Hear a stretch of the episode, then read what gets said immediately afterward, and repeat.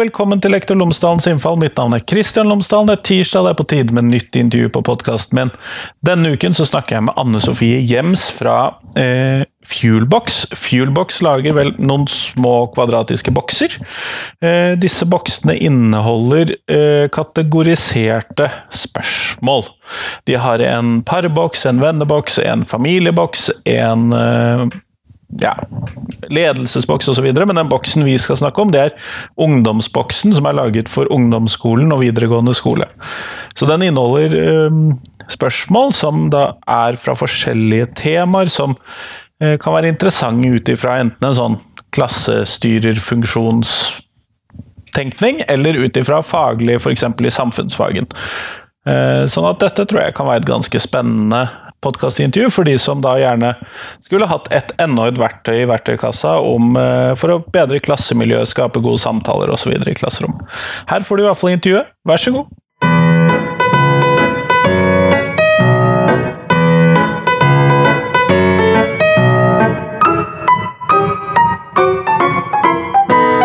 Jeg vil bare minne deg på at jeg har en Patrion-konto som du kan bidra til, sånn at jeg kan få videreutviklet podkasten min og fått råd til litt bedre utstyr, litt mer kursing og litt mer reising for å gjøre intervjuer.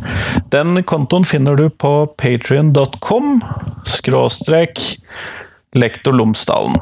Patrion.com skråstrek lektor Lomsdalen. Tusen takk!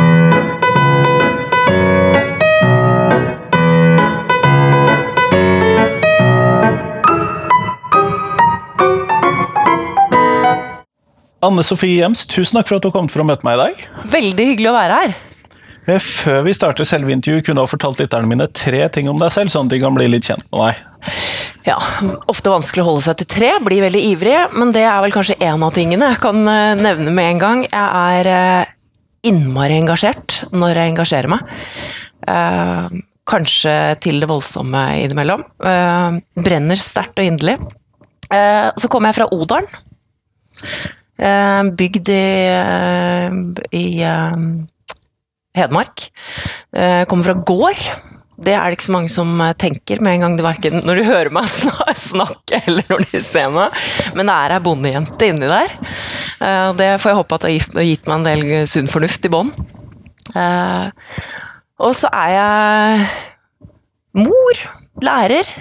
Eh, akkurat nå jobber jeg ikke som lærer, men jeg er lærerutdannet. Det kommer vi helt sikkert inn på. Eh, men det er i hvert fall tre ting. Ja, så bra. Eh, og det du er her for å prate med meg om, det er jo Fuelbox. Ja. Eh, og da er jo det åpenbare første spørsmålet er, hva er det? Veldig godt spørsmål. Eh, Fuelbox eh, skal jeg prøve å forklare det så enkelt som mulig. Det er rett og slett en boks med spørsmål. Eh, fuel, det skal gi, uh, gi oss noe. Uh, noe å gå videre på. Det er spørsmål som er åpne i ti kategorier. Totalt 180 spørsmål i hver boks. Uh, Fins nå veldig mange forskjellige bokser, men de jeg er her for å snakke om, er jo boksene som er skreddersydd for skolen. Det er spørsmål som skal sette i gang gode samtaler. Uh, skal være en katalysator, eller en kickstarter om du vil, for å snakke sammen. Ansikt til ansikt. Det er kortversjonen. Det er kortversjonen, men dere har da flere forskjellige typer bokser, og jeg har sett at det har vært for næringsliv og privat og for skole og barnehage, var det ikke det? Jo. Jo. Men hvorfor er det man skal ha det, dette, denne boksen? Ja. Uh, Eller disse spørsmålene? Ja, hvorfor skal man ha spørsmål? Eh, For det første så tror vi veldig på det å samles om noe annet enn det digitale. Um, ha et fysisk verktøy, et fysisk uh, samlingspunkt, um, der man får hjelp til å finne de tingene man skal snakke om.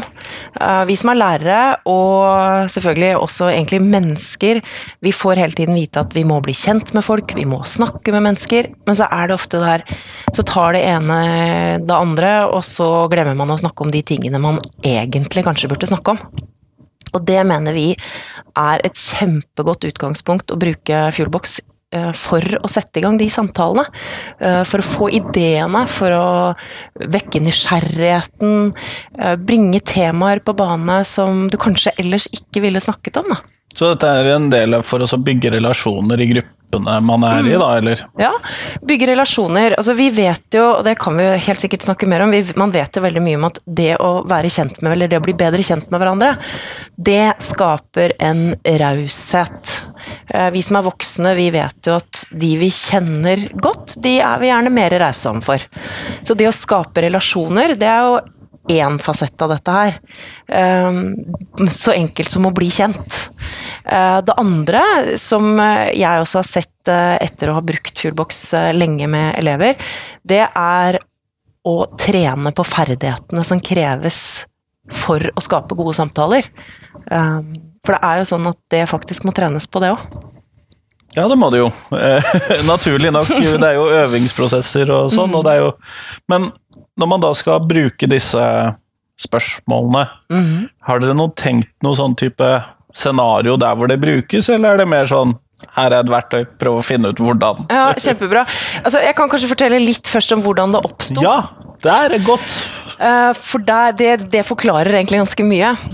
Eh, Hun som eh, lagde verktøyet i, eh, for nå fem år siden nå i høst, vi hadde femårsjubileum i november, hun startet egentlig med seg selv. Hun savnet de gode samtalene i sitt ekteskap. Eh, De samtalene der hvor man er nysgjerrig på hverandre, gjerne sånn som man er i begynnelsen når man er sammen. Jeg tror veldig mange kjenner igjen den følelsen av å være nyforelska og har lyst til å vite alt. Og man spør, og man graver, og man forteller, og man er genuint nysgjerrig, da. Og så er det jo sånn at hverdagen tar oss, og så blir det mye unger og penger og logistikk og klesvask og ikke sant. Og Mye så- praktisk, lite spennende. Mye praktisk og lite spennende. Og det tror jeg veldig mange par kjenner seg igjen i. Så det hun gjorde, da, det var at hun litt sånn i det skjulte så, så samlet hun eh, spørsmål som hun tenkte at åh, det skulle jeg gjerne spurt om, eller det skulle jeg gjerne blitt spurt om. Så samlet hun de i en konvolutt. Den konvolutten ble etter hvert ganske tjukk. Det var mye hun hadde lyst til å ha svar på. Og ikke minst bli spurt om selv. Og så en kveld så satte hun fram konvolutten sammen med mannen sin og en flaske vin. Og som hun sa, det her ble en magisk kveld. Og så kjente hun bare her er vi inne på noe. Dette er så viktig. Vi fikk snakket om ting som vi ikke har snakket om på flere år. Eh, berører temaer. Jeg kjente at jeg lærte plutselig nye ting om han jeg har vært sammen med lenge. Um, og det tror jeg vi kan kjenne på alle sammen. Um, enten man er i en parrelasjon eller i andre relasjoner. Man kommer seg inn i et spor, man snakker om de samme tingene. Og så tenkte hun at dette her, det kan det ikke bare være jeg som savner. Og så fikk hun laget uh, uh, parboksen, som er den opprinnelige boksen. Og den uh, har fått fantastiske tilbakemeldinger gjennom fem år. Uh, veldig mange tusen par som nå har den boksen i sitt hjem.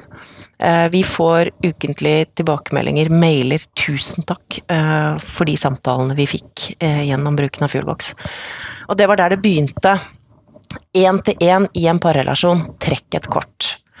Um, jeg tror jo også, med tanke på det som kommer senere i forhold til skole, i forhold til relasjoner i det hele tatt, så tror jeg så innmari på det at det at kortene kommer fra en boks, eh, jeg tror det er kjempeviktig i parrelasjonen, eh, så er det uten en skjult agenda. Eh, Det kommer ikke fra Det er ikke jeg som stiller deg et spørsmål. Jeg husker en gang så stilte jeg Jeg har brukt denne boksen med min mann selv. Lenge, mange ganger. Og jeg har jo en del av spørsmålene liggende litt sånn i ryggmargen. Han er en del på jakt. Han var i hvert fall. Nå får han ikke lov lenger. Eh, Men eh, så kom han hjem, og så tenkte jeg at nå må vi connecte igjen. Nå har vi vært mye borte fra hverandre nå i høst. Og så stilte jeg han spørsmålet, er litt sånn fra hofta. Eh, Hva er det du har mest dårlig samvittighet for i eh, hverdagen? Og han det ble ikke noen god dialog, for å si det sånn. For det spørsmålet kom fra meg. Han opplevde veldig at det var en skjult agenda. Får man de vanskelige spørsmålene i en annen setting gjennom boksen, så har vi hatt en helt annen opplevelse av det. I hvert fall så kom parboksen. Det ble en veldig Den ble kjempegodt mottatt. Ehm, Så ble det på en måte en naturlig forlengelse med familieboks og venneboks. Og der bruker man det mer i en gruppe. Der kan man gjerne sitte en hel eh, rundt et bord, ikke sant. Trekke kort og snakke om andre ting. Og så eh, kom næringslivet på banen. Eh, for dette er noe som er aktuelt for alle. Eh, og man vet jo at skal man skape gode team, så må man sørge for at folk blir godt kjent. Um, og så kom en boks for ungdom, som egentlig ikke var tenkt i utgangspunktet for skole. Men så så vi at det var veldig mange lærere som uh, bestilte den. Uh, så fikk vi tilbakemeldinger på at dette må vi gjøre mer med. Uh, og nå så er det jo da disse boksene som er laget for skolen, hvor det er uh, Fuelbox ungdom, Fuelbox barneskole og lærerteam, faktisk. det er utfordrende nok for lærerværelset å begynne å snakke sammen om andre ting enn det man vanligvis snakker om. Uh, men da er tanken at man skal kunne sitte enten to og to, jeg kan si litt etterpå om hvordan jeg har brukt det selv, eller noen ganger i fine plenumsdiskusjoner da blir det en helt annen dynamikk. Eh, eller at man tar med seg eh, et spørsmål hjem og har samtaler rundt middagsbordet. Og reflekterer over det i klasserommet etterpå. Eh, eller bruk på team på lærerrommet, rett og slett. Eller på teammøte, f.eks. For, for å starte samtalen. Man er jo gjerne litt sliten når man starter fellestid. ja, det kommer stort sett ikke på det beste tidspunktet i løpet av en dag, tror jeg. Sånn torsdag ettermiddag klokka halv tre. Nå skal vi begynne. Men da uh, er det veldig mange lærere som bruker Fullbox lærerteam, som sier at det gjør at de plutselig skifter fokus. Da glemmer du litt den dagen som har vært, og så klarer du å begynne litt på nytt. Koble deg på de andre i teamet, rett og slett. da. Men man kan trekke et spørsmål, og så er det, det er liksom plug and play, egentlig. Eh, enkelt verktøy å bruke. Og så får man finne ut, så er det mange som har kommet på måter å bruke det på som er spennende og nye. Nettopp, nettopp. Men eh, når vi da tar, bruker denne skoleboksen, da. Mm. Eh, hvordan eh, er det du bruker den? Ja. Eh, første gangen jeg brukte den eh, jeg har vært lærer en del år, og vi lærere vi syns jo alltid klasser er utfordrende. og så har man utfordringer på forskjellige områder. Um, jeg var i hvert fall fast bestemt på Jeg hadde lest såpass mye om læringsmiljø, eh, sammenheng mellom trivsel og læringsmiljø, som vi vet veldig godt har en sterk sammenheng.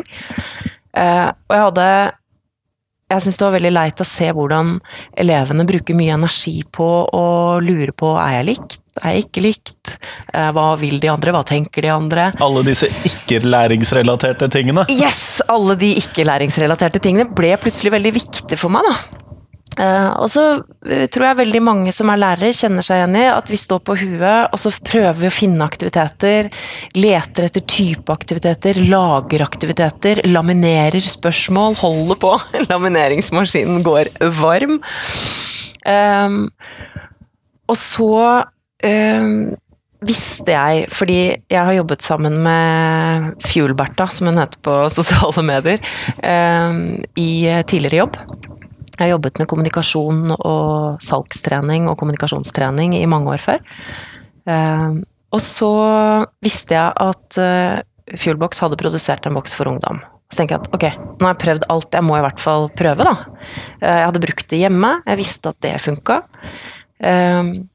Og så snakket jeg med elevene mine. Jeg snakket veldig mye om viktigheten av læringsmiljø viktigheten av trivsel, viktigheten av at de skulle være rause for hverandre. Men det ble så mye prat fra meg, da. Overraskende nok. Eh, men jeg tror jo alle vi lærere er flinke til å snakke om hva som er viktig. Eh, og fortelle ungene hva som er viktig. Så er det kanskje ikke alltid vi klarer å overføre bruksverdien? Nei, altså det, nei ikke sant. At de hører det, og ja, de tenker at det er sikkert riktig det hun sier. Det hun sa. Bra. Men uten at de får kjent på det kanskje selv, da. Eh, til tross for at det er mange programmer. Det fins jo kjempeflotte programmer for å jobbe med trivsel, antimobbeprogrammer, prosjekter, permer. Men det krever mye av oss som lærere å sette oss inn i det. Eh, og så blir det gjerne litt sånn at man plukker ut det av programmet man syns fungerer selv, og så går man på det. Um, det jeg var opptatt av, var å prøve å finne noe jeg kunne bruke over tid, noe som var enkelt. Eh, for det er mye annet vi skal gjennom, og det er mye fag. Det er kjempefagfokus, selv på barneskolen. Det har det vært mye om i media i høst. Um, og så tenkte jeg at jeg må få elevene på banen, så får jeg få prøve Fjordboks Ungdom, da.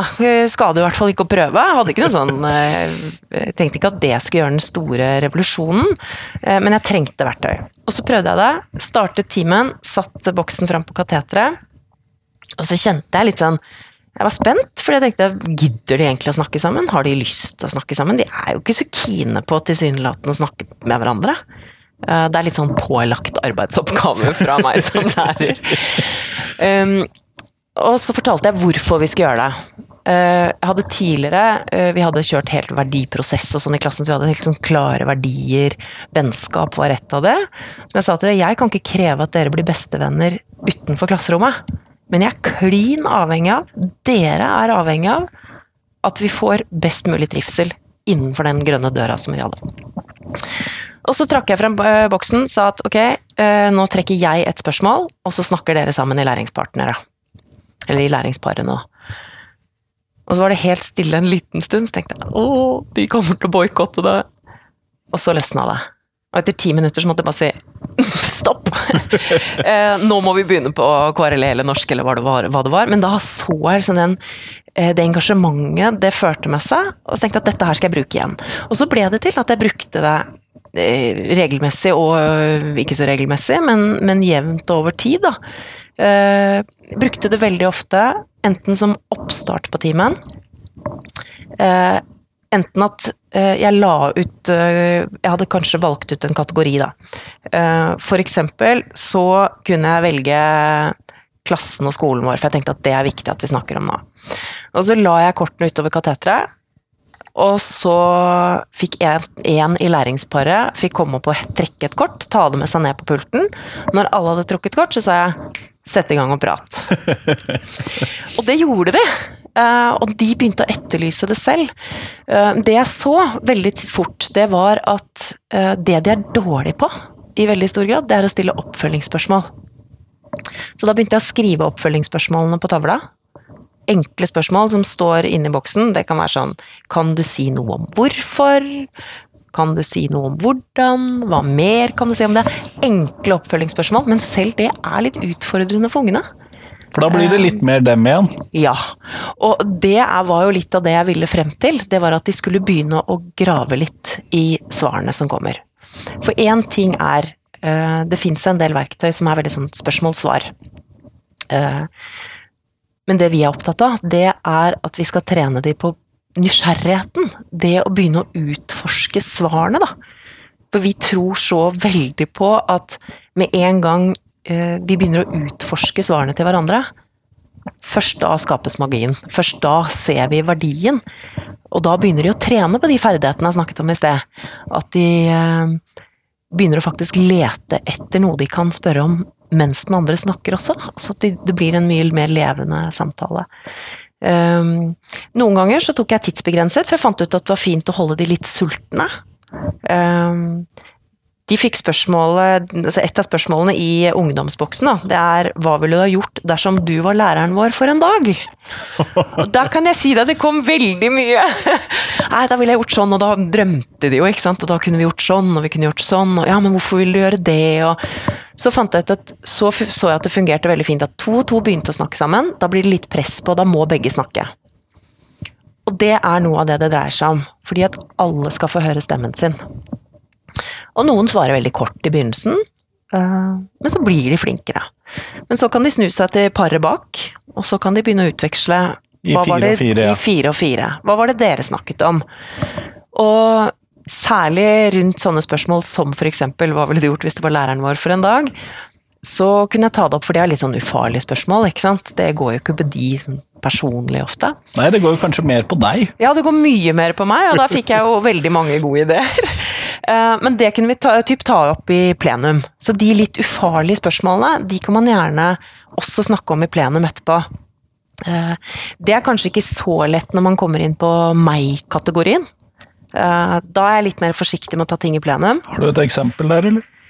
Ja eh, Når setter du andre foran deg selv?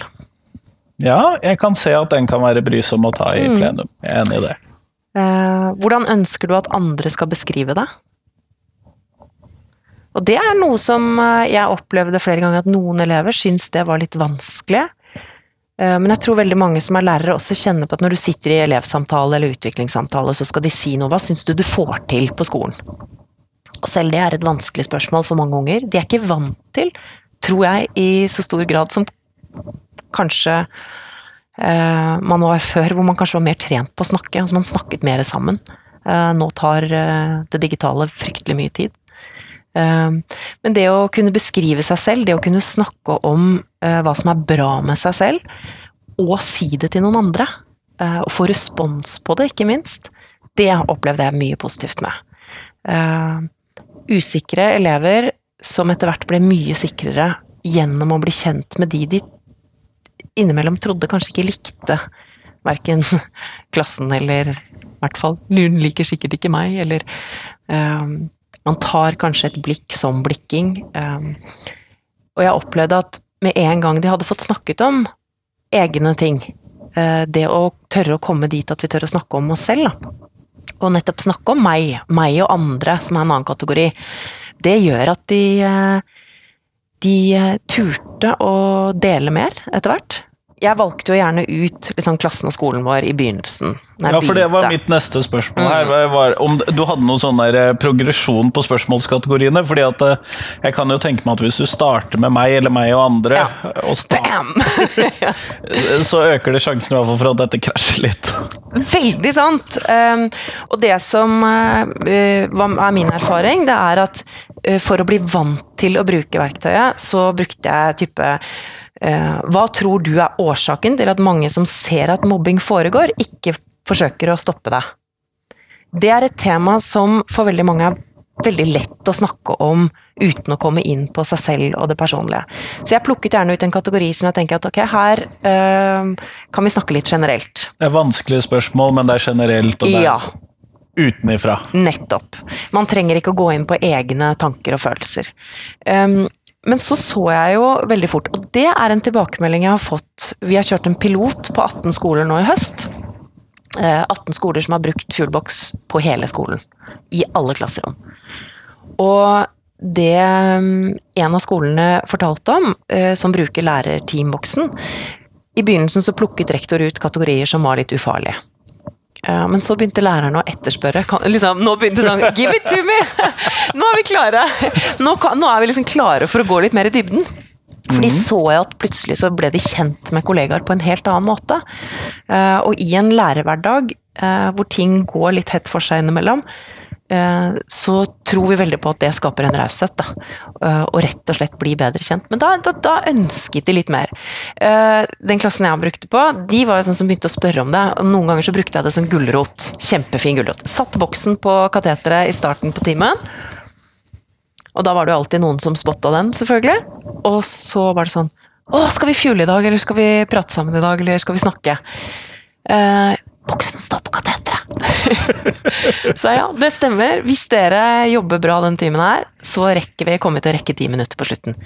Og for meg så var det en uh, sånn åpenbaring at uh, ungdomsskoleelever etterspurte å snakke sammen. Uh, for jeg har sikkert i underbevisstheten tenkt at det er ikke noe ungdom egentlig ber om. Um, men de digga det. De syntes det var fantastisk. Og det har vi fått masse tilbakemelding om i piloten òg, at elevene etterspør det. Og de er sånn Lærerne holder det igjen litt, for å ikke bruke det opp. Ja, nei, for det er jo bare et maksimalt antall kort her. Så. Ja, um, men det er også litt interessant, for jeg brukte den boksen som jeg kjøpte, den brukte jeg i tre år. Samme boksen, samme spørsmålene. Jeg opplevde ikke engang at det var utfordrende de bytter jo Jeg er veldig glad i å jobbe med læringspartnere. Jeg syns på alle trinn at det fungerer veldig, veldig fint. Um, og jeg vet jo at mange videregående skoler bruker typ VIP-makkerskap, f.eks., uh, hvor de jobber mye i par.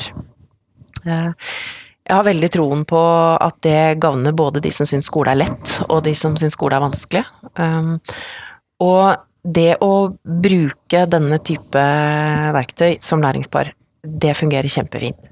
Oppstart hver gang de får seg en ny læringspartner, så trakk vi et spørsmål. Nettopp også for å bygge den relasjonen, ja. da. Og bare det å bli, liksom, få i gang praten, for noen er jo stille. Altså Noen sitter jo og vil prate alltid, mens andre er veldig stille. Og det å få alle på banen uh, når de får en uh, ny partner, tror jeg er kjempefint. Og jeg så selv at det, at det fungerte veldig fint. Um, og så er det jo noe med å uh, ikke bare det å bli kjent, men også få de dryppene jevnlig. For jeg tror veldig mange av de programmene vi har, så er det sånn ok, nå skal vi kjøre én dag der, så skal man kjøre én time i måneden sånn. Jeg tror veldig på de små dryppene. Og det å ha de ti minuttene på slutten av timen, eller når de får ny læringspartner, eh, eller når vi går Jeg brukte det en del når vi gikk tur. Elevene var helt ferdige en time. Eller sånn, du, du bare merker energien i klasserommet er så treg. det var helt nedpå der, ja. ja. Og da har jeg gjerne tenkt at ok, nå kan vi ta et sånt uh, fugløyeblikk. Fordi da vet jeg Altså, jeg følte nesten at jeg manipulerte ungene, for de etterspør det jo! Og de ber meg å få lov til å jobbe med, eller få lov til å snakke sammen. Det jeg vet, er jo at vi jobber med noe av det kanskje viktigste vi som lærere jobber med, nemlig relasjonene elevene imellom. Uh, og at elevene var på banen. Jeg slapp å gjøre noe. Um, Hvilket også kan være en veldig stor befrielse for oss. Det kan være veldig fint, og jeg ser at ungene snakker sammen. Jeg vet at nå jobber de med relasjoner seg imellom, og jeg kan gå rundt og høre. Eh, kjempefint. Eh, brukte det ofte sånn midt i, hvis vi hadde langøkter, eh, brøt det opp i midten. Og så type Fikk alle lov til å trekke et kort. Det funker på ungdomsskolen, funker ikke så bra i første klasse, for da blir det totalt kaos i boksen. Um, men det eldre ungene er, det mer kan de ha frihet til å trekke selv. Men da gjorde jeg noen ganger sånn at de trakk ett kort hver, og så gikk de, bare fant seg en plass i klasserommet. Og så sa jeg ok, nå skal du finne en av det motsatte kjønn. Begynn. Ok, så fant jeg en. Og så stoppet jeg tiden etter uh, type ett minutt. Nå skal du finne en som har motsatt farge på håret enn deg selv. Liksom. Altså, bare gi dem oppdrag, da. Og da blir det aktivitet. Eh, de vet de må snakke fort fordi det er tidsbegrensa. Eh, så noen ganger så gjorde jeg det for å bare få opp energinivået.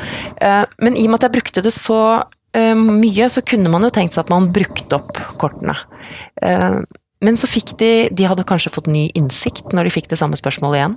Mm. Kanskje en måned senere. Eller det er en ny læringspartner. Eller en ny gruppering. Noen av de litt stillere elevene der så jeg en kjempefordel med at de fikk det samme kortet flere ganger. For da hadde de tenkt gjennom det en gang før, og en gang før, og en gang før? Nettopp! Og de hadde hørt andres refleksjon rundt det, og plutselig så hadde de gjort seg noen tanker selv.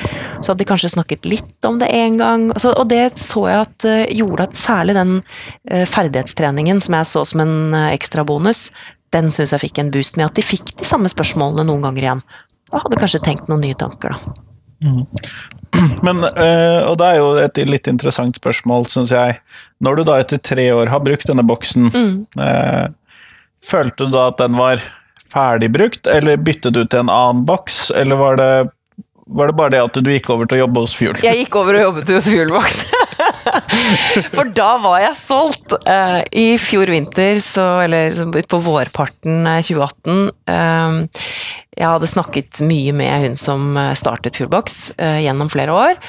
Uh, og hun hadde veldig lyst til å gjøre noe mot skole, fordi at hun fikk så mye respons på den ungdomsboksen, som da forsvant ut til mange lærere, og lærere tok kontakt. Um, og da ringte jeg henne og sa vet du hva, jeg tror vi må få dette her ut i skolen. Og så uh, har jo de da laget flere bokser før. De har jo en spørsmålsbank som ligger i bånn. Men så fikk hun med seg veldig flinke folk til å bidra inn på boksene. For dette er ikke noe som Selv om gründeren sitter på Bryne, så er ikke dette laget i kjelleren på Bryne. selv om parboksen ble jo produsert av henne, som, som var utgangspunktet. Eh, men med på laget, så i ungdomsboksen, så er det bl.a. Hildegunn Fandrem fra Læringsmiljøsenteret som har vært med og bidratt. Eh, det er eh, mange ungdomsskolelærere, skoleledere, kognitiv terapeut. Smart kompetanse har vært med. Kjenner du kanskje til? Jeg har hørt det. Ja. Um, og også på barneskoleboksen så er det barneskolelærere i stor grad som har vært med å utvikle spørsmålene. Og så har man brukt den nye læreplanen med livsmestring som utgangspunkt når man har bygget kategoriene. Um, og det får vi mye god tilbakemelding på. Så det er flinke folk som har vært med. Uh, Lærerteamboksen så har skoleledere vært med, også lærere. Så det er mye skolefolk som har vært med inn og bidratt til at boksene skal bli så bra som de har blitt. Det, det øker jo muligheten for at de er relevante, da. Det gjør det i aller høyeste grad, og det får vi veldig mye tilbakemeldinger på. Um, det som har vært fantastisk gøy, og som jeg ønsker virkelig å kommunisere, det er jo Én ting er at gründeren i Fuelbox um, og partneren hennes har tenkt at dette er lurt. Eh, jeg har brukt det som lærer i flere år og har kjent at dette Det fyller på en måte eh, et litt sånn tomrom, da. Som jeg sier, det fins masse gode Det er så mange som har skrevet så mye bra om eh, hva man skal gjøre for å få gode læringsmiljø i klasser. Men læreren må gjøre jobben selv. Til syvende og sist. Ja, men, men det virker jo som et interessant verktøy å kunne dra fram disse spørsmålene her, eh, og da få hjelp til å gjøre det. Mm. Um, jeg ser jo noen av kategoriene her ser jo ut til å være godt relevante for uh, fagene mine. Mm. For eksempel Hvilken tillit har du til de som bestemmer i Norge? Det kan jo et veldig, være et veldig godt spørsmål inn i mm. den perioden jeg skal begynne med nå med politikk og demokrati. Ikke sant. Og det er jo også tanken vår at det å reflektere sammen om de litt større spørsmålene. Eh, med hjelp og fasilitering av læreren, selvfølgelig, men som inngang til en time da, i samfunnsfag. Veldig god start. Eh, og nå kan jeg bare avsløre, for jeg sitter og titter i denne boksen, for de som ikke ser det. det gjør jo bare du. Eh, men for dere som hører på, så kan jeg avsløre at vi sitter i hovedkontoret til Human-Etisk Forbund. Eh, og vi nærmer oss jul, og de som kjenner hva jeg skriver om, så er jo dette spørsmålet her er jo fantastisk. Eh, hvilke felles tradisjoner har vi i Norge? Mm. Eh, jeg, syns jo det var et glimrende spørsmål.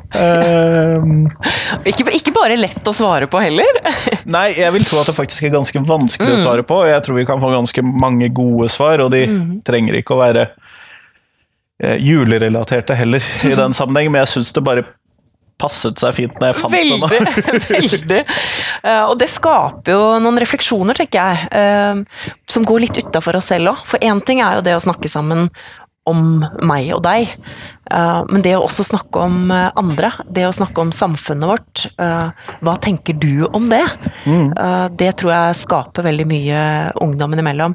Nå er jo spørsmålene i ungdomsboksen er jo da skreddersydd for ungdom i ungdomsskolen og videregående. Og nå har vi ganske mye erfaring fra lærere som har brukt det både i ungdomsskolen og videregående. Får kjempemye gode tilbakemeldinger fra videregående. Det er veldig gøy. Uh, veldig mange lærere tror at ja, men dette er noe som er grunn, hører grunn, grunnskolen til. Men jeg tror nettopp i videregående så tror jeg mange lærere syns det er deilig å ha et verktøy som fungerer sånn som Fuelbox gjør. da. Ja, og da har de jo nettopp tatt også Disse elevene har jo blitt klumpa sammen inn i en ny mm. gruppe, og de kjenner ikke alle lenger, osv. Så videre. mm. Sånn at uh, relasjoner er viktig der òg. Ja, veldig. Og en, det er én lærer som selv kjøpte den opprinnelige ungdomsboksen av oss som fant oss selv. Da. Han eh, heter Rune og jobber i Kristiansund. Eh, og han tok kontakt med oss og mm, kjøpte bokser, begynte å bruke de uten noe mer input fra oss, eh, egentlig. Og fra i høst så ble han med, eller ble skolen med i piloten. Og har gjort det mye mer strukturert og, systematisk. Og mm, han har veldig troen på dette her. Og det er jo så gøy i den jobben her å møte skoleledere eh, som er genuint opptatt av relasjon. Jeg syns det er ekstra kult å se det på videregående. Man snakker mye om relasjon og, og trivsel. Um, det yngre elevene er, og så blir jo fag naturlig nok viktigere og viktigere det høyere du kommer opp i, i trinn. Um, men det som uh, han sier, da, det er jo at Eh, nå har de sett kjempeforskjell, særlig fra de, når de har begynt med det i første klasse, første VGS. For da blir de vant til det fra start, de syns det er naturlig, de syns det er gøy, de etterspør det. Akkurat sånn som de gjør på yngre klassetrinn. Um, Men så prøvde de det i en tredjeklasse som ikke hadde gjort det før, og der er det litt vanskeligere. Fordi at der har strukturen allerede satt seg, hierarkiet er klart, ikke sant. Um, så det krever mer å Så kanskje lettere da med de yngste, da. Ja, men det er lettere hvis du starter, altså, Ja. eh, starter tidlig. Um, men eh, jeg har også snakket med, med lærere som eh, har tredje klasse, og som kjenner at dette funker kjempefint der òg. Eh, men jeg tror det er utrolig fint hvis man fra første klasse på barneskolen da, er vant til at med jevne mellomrom så snakker vi sammen om deg og meg og andre ting som er viktig. Um, boksen blir samlingspunktet. Det er jo bare, boksen er jo i seg selv bare en fasilitator. Det er jo ikke spørsmål som du og jeg ikke kunne funnet på, men det å ha 180 gode spørsmål som du veit er gode, tilgjengelig. Og som vi snakket om i hele stad, som ikke legges på dine skuldre. Som du ikke må finne på i tillegg til alt annet. Og det syns jeg har vært den Kanskje noe av det viktigste som jeg opplevde, det var å ha noe tilgjengelig i kateterskuffen til enhver tid. Jeg merket at hvis jeg måtte gå og hente den, da var det kjørt. Hvis jeg ikke hadde den på rom. For nå, når du har ti minutter og er ferdig med det du har planlagt for timen, og så ser du at nå har jeg ti minutter. Um, men det som eh, var veldig, veldig gøy, det var jo da han Rune som jeg nevnte, han eh, sier at det er mulig å få relasjonsbygging, kommunikasjonstrening og psykisk helse i en boks for oss i skolen. Og det syns jeg Altså, når en skoleleder sier det om et kommersielt produkt, da, så tenker jeg at da eh, har det vi brenner for, kommet gjennom. Um, og som jeg sier at um, De boksene her har jo vokst fram nesten litt sånn organisk. Det er noe med at uh, det har vært en etterspørsel, man ser at det er behov, folk tar kontakt. Uh, her kan vi gjøre noe her. Har dere noe for ungdom? Har dere noe for barn? Um, og noen av de som uh, virkelig har sett nytten av det, um, det er uh, De kommer med kjempetilbakemeldinger. Men de må brukes, da. Ja ja, men du kan ikke bare la de stå og støve nei. Nei, det hjelper ikke. Og vi er ikke interessert vi, å selge bokser som ikke brukes. og Derfor så bruker vi mye energi. Vi har Nå i høst så har vi jo faktisk de skolene som har kjøpt bokser til eh, alle klassene. Um, man kan jo kanskje tenke at det er dyrt, men en én boks koster 799 kroner, da. Det er én boks per klasse. Hvis vi begynner å snakke bøker, så snakker vi per elev. Eh, Det er én boks per klasse, og jeg har brukt min boks i tre år. Og da tenker jeg regnestykket per elev blir ganske liten. I forhold til hva jeg syns man får ut av det, og, og mange lærere har sett at man får Men ja, det krever jo at man bruker det, men det er jo litt det samme som at uh, lærebøker som bare står inne på bokrommet, det har ingen verdi, det heller. Det har ingen verdi. Uh, og jeg eh, opplevde jo det at når du altså, Det er jo ofte litt sånn rart når man skal begynne å bruke et nytt verktøy eller noe nytt i det hele tatt, så kan det virke litt sånn stivt og rart i begynnelsen. Eh, men min opplevelse er at ungene er så mye flinkere til å ta til seg sånne aktiviteter eh, enn kanskje vi voksne er.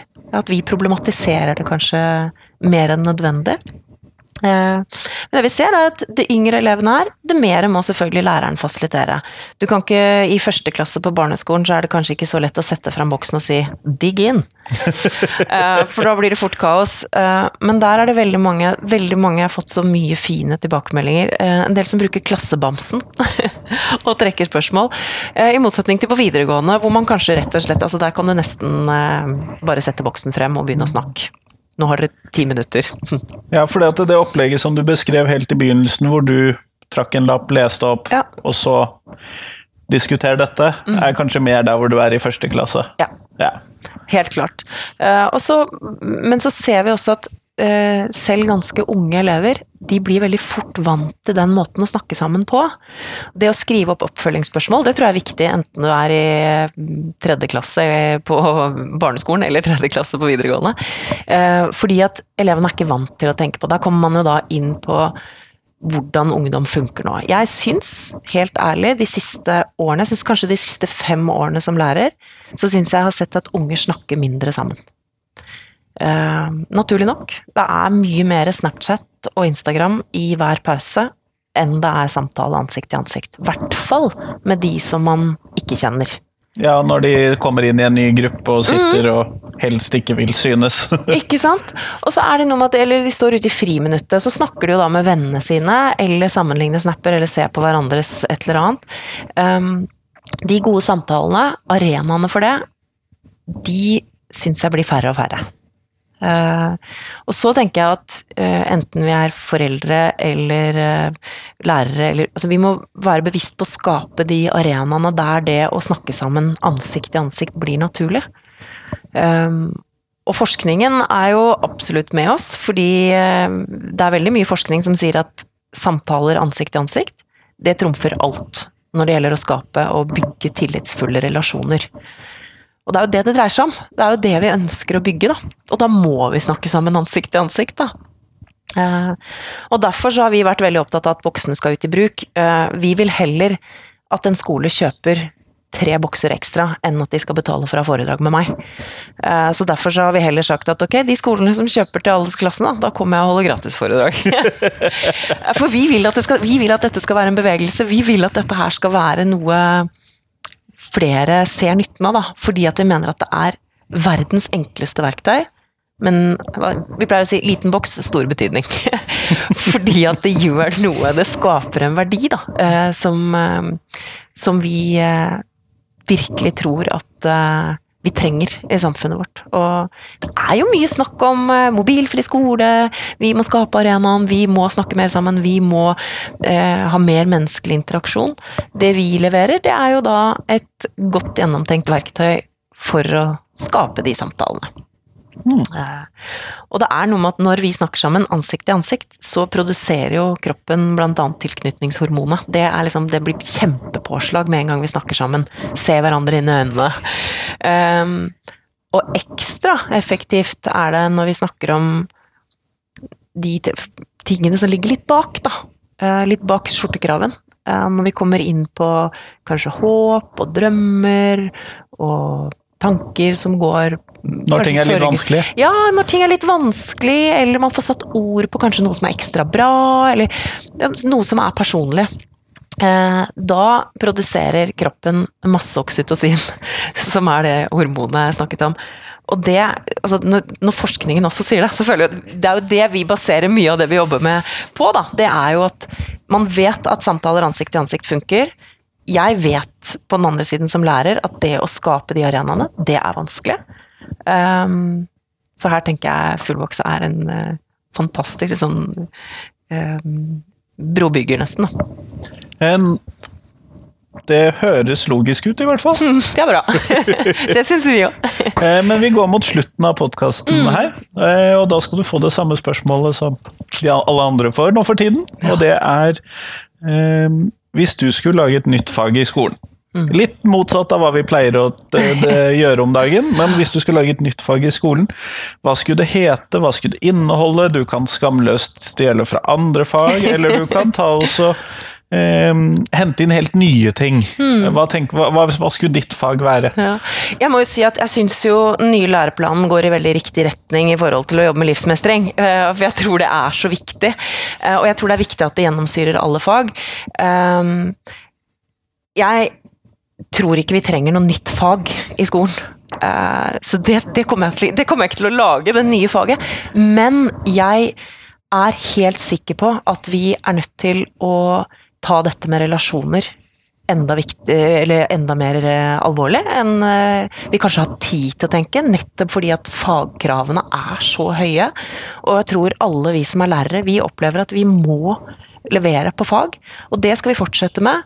Um, men det å skape lommene, skape struktur, sånn som de f.eks. har gjort på den ene skolen jeg snakket om i sted, satte inn i planene. Da skal vi bruke det. Mm, sånn skal vi bruke Fuelbox. Jeg tror skap eh, rom for eh, samtalen og det å være nysgjerrig på hverandre. Så kanskje nysgjerrighet blir det nye faget mitt. Kjempebra. Eh, tusen takk for at jeg har fått lov til å prate med deg i dag. Det var veldig hyggelig å være her, og gøy å få lov til å snakke om eh, Fuelbox med deg.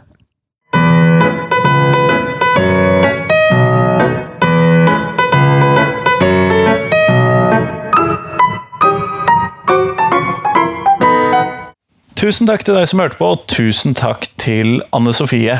Eh, nå er det en uke til neste podkastintervju, og denne gangen så lover jeg å klare det. Det blir først neste tirsdag, og da skal vi snakke om skolen, eller eh, om læreryrket som profesjon. Så det blir spennende. Eh, Men i hvert fall fram til neste gang så hadde jeg håpet at du kunne dele podkasten min med noen som du trodde at ville sette pris på den. Det vil i hvert fall jeg sette pris på at du gjør, og så håper jeg da at enda flere får høre om podkasten min, sånn at Vel, at jeg blir hørt av enda flere. For jeg syns dette er kjempegøy, og jeg lærer utrolig mye, og da er det fint at andre også skal kunne få lære dette. Men i hvert fall, fram til neste tirsdag, ha en god uke. Hei.